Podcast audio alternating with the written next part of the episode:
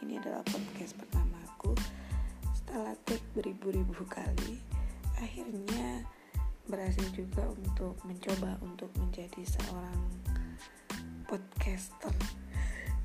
Gak tahu ya sebutannya apa. Cuman ini adalah pertama kalinya aku coba untuk membuat podcast Dan isinya dari podcast aku nanti adalah semua hal mengenai uh, kegiatan ibu-ibu muda pada saat sekarang ini yang memang kegiatannya menjadi seorang full time mommy